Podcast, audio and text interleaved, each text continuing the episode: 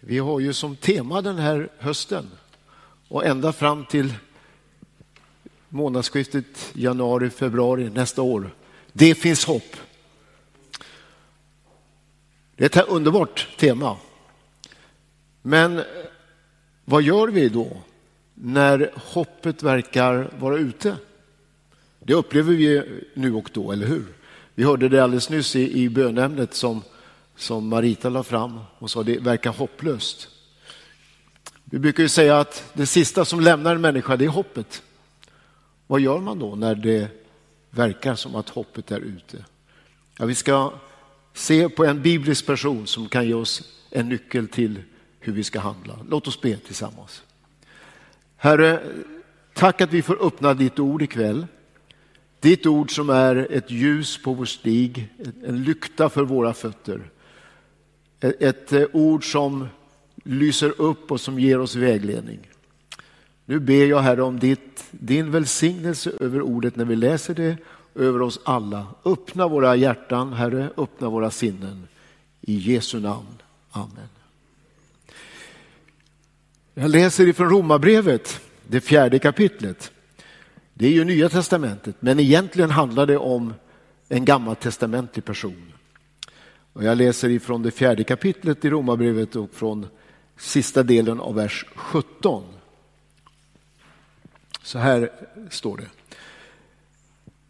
Det är han inför Gud som han trodde på, Abraham. Honom, Gud alltså, som gör de döda levande och kallar på det som inte är som om det vore till. Där allt hopp var ute trodde han och hoppades ändå att han skulle bli fader till många folk. Eh, som det var sagt, så talrika ska dina efterkommande bli. Han sviktade inte i tron då han tänkte på att hans egen kropp saknade livskraft. Han var då omkring 100 år och att Saras moderliv var dött. Han tvivlade inte i otro på Guds löfte utan blev istället starkare i tron och gav Gud äran. Han var övertygad om att vad Gud hade lovat, det var han också mäktig att hålla. Där allt hopp var ute, där hoppades han ändå och trodde. Jag läste i en eh, engelsk översättning som heter The Message, som översätter det på det här sättet. When everything was hopeless Abraham believed anyway. Det är härligt. Oavsett hur omständigheterna såg ut så trodde han ändå och hoppades på Gud. Det här hoppet som det talas om här, det föddes tidigt hos honom. Egentligen så var han del av det som hans far bar.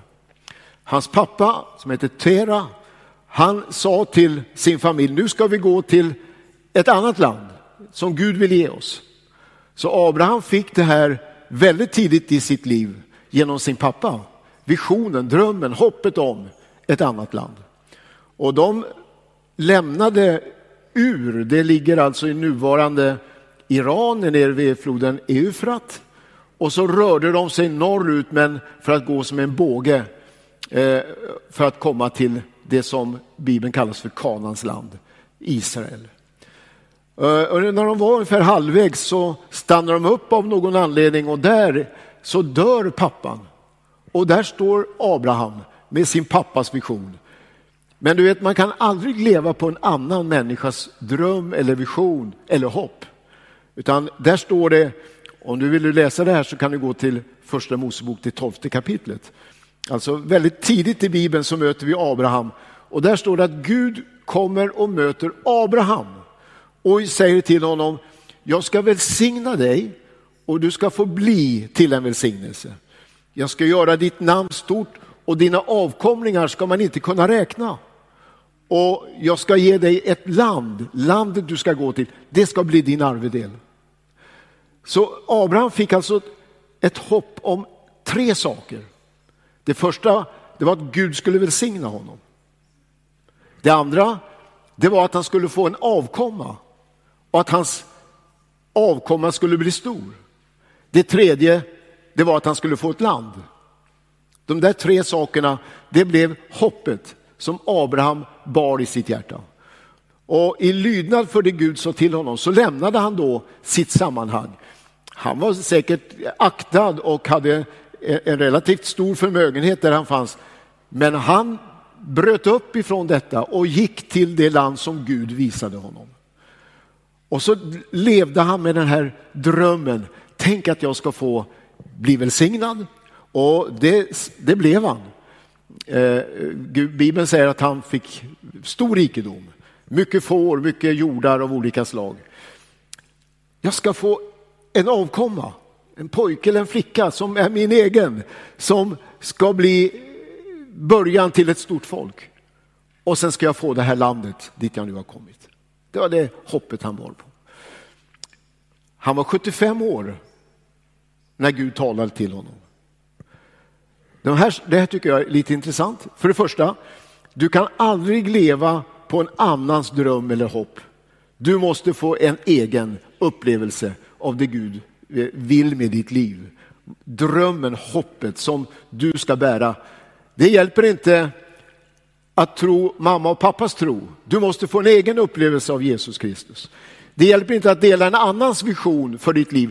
Du behöver få en egen upplevelse av det Gud vill göra just i ditt liv och genom dig. Det andra man kan notera det är ju att tänk att Gud kommer till en 75-åring och säger nu ska jag, dig ska jag använda. Och eh, för övrigt vet ni att Mose, en annan av Bibelns gestalter, han var ju 80 år då Gud kommer och säger, trycker liksom på startknappen och säger nu, nu kör vi, nu ska jag använda dig. Så Gud har liksom ingen åldersdiskriminering. Och du som känner att du börjar komma upp i åren, fall aldrig i den gropen att du tänker att nu är liksom, jag är ute ur räkningen nu, nu, nu Gud kan inte använda mig. Kan han visst. Beredd på att Gud kommer och drabbar dig med en vision, en dröm. Vad, vad säger eh, Petrus på pingstdagen när han citerar Joels profetia? Ynglingar ska se syner, gamla män ska ha drömmar. Så du vet, genom hela livet så kan Gud komma, överraska oss, ge oss ett hopp, en dröm, en vision inför framtiden. Och så lever han där i den där drömmen. Han blev välsignad. Eh, han vägrade att göra som hans sin brorson Lot. Nu kan vi inte gå in i alla detaljer här för tiden eh, tillåter inte det. Men ni vet hans brorson Lot, han, han var så fångad av att få bli välsignad av materiella ting så han, han lämnade Abraham och sökte sig ner till den bördiga Jordanslätten. Där skulle han få större rikedomar. Det vägrade Abraham. Han visste, jag är beroende av det Gud vill göra i mitt liv. Guds välsignelse. Och det där är viktigt att ha med sig. Fall inte den fällan att du tror att du ska ordna rikedomar eller så för din egen del. Låt Gud ge dig det han vill. Men när det gäller det andra löftet som Gud hade gett honom, nämligen att han skulle få en son. Det vart ju mer besvärligt. Och i och med att åren gick, han hoppades, han berättade för alla om vad Gud hade lovat honom. Men åren gick ju. Och till slut så vart det ju mer och mer omöjligt. Och ingenting hände. De blev äldre och det verkade som då att Sara, hans hustru, var ofruktsam. Kunde inte få barn. Så alla frågar, vad, vad menar du Gud? Och då kommer någon med en, en idé att han skulle kunna göra en liten genväg, hjälpa Gud på traven.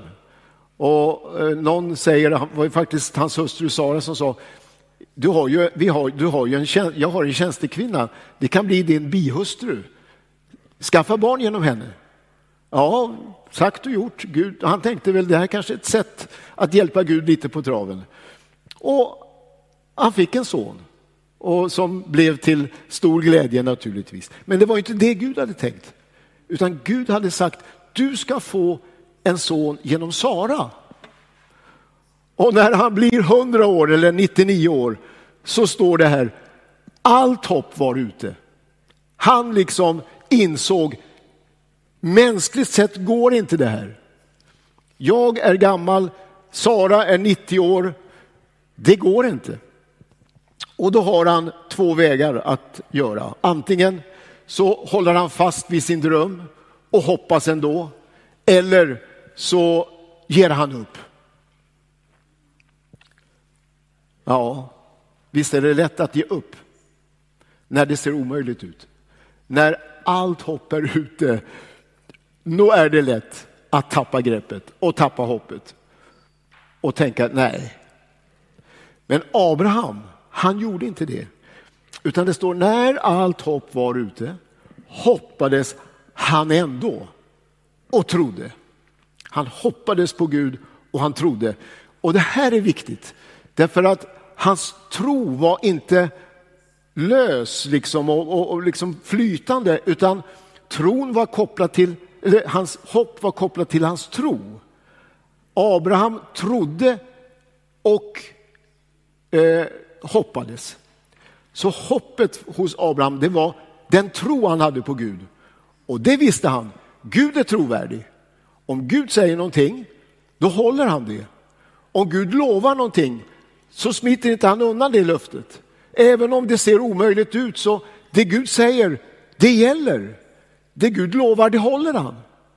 Och därför så står det han, han visste att Gud är trovärdig och att Gud är mäktig att hålla sina löften.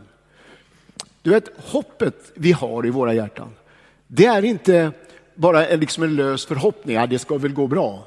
Utan hoppet det bygger på vår tro på Jesus Kristus och på Gud själv. Gud är vårt hopp. Jesus Kristus är vårt hopp. Och det är som att en av Bibelns författare säger det är som att ha sitt ankare liksom kastat innanför förlåten i templet. Det är något fast, det är något säkert. Själens ankare är kastat. Så din, ditt hopp och din, den är förankrad i din tro och din tro är förankrad i Gud. Och därför kan vi hoppas även när det ser hopplöst ut. I eh, första Korinthierbrevet talas det om hopp och det talas om en, en treklang. Tro, hopp och kärlek. Störst av dem är kärleken, säger Paulus. Men tron och hoppet och kärleken. Du vet, ett ackord är ofta tre toner. Kan du slå an ett ackord, eh, Carl Wilhelm, på pianot? Ett C, eh, exempelvis. Det är ju tre toner, eller hur? Och gör det inte för komplicerat. Hör ni vilken underbar treklang? Vilken harmoni, vilken, vad, vad fint det blir. Tack! Tack för illustrationen. Så är det.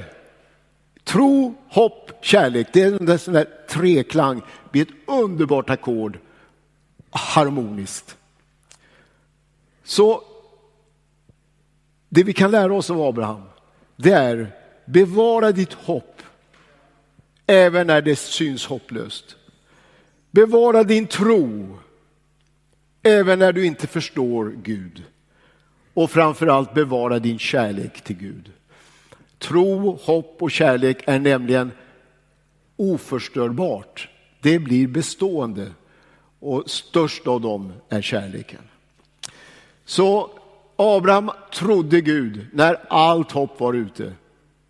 Och hur gick det då med löftet? Ja, allt hopp var ju inte ute. För när Gud kommer då sker det omöjliga.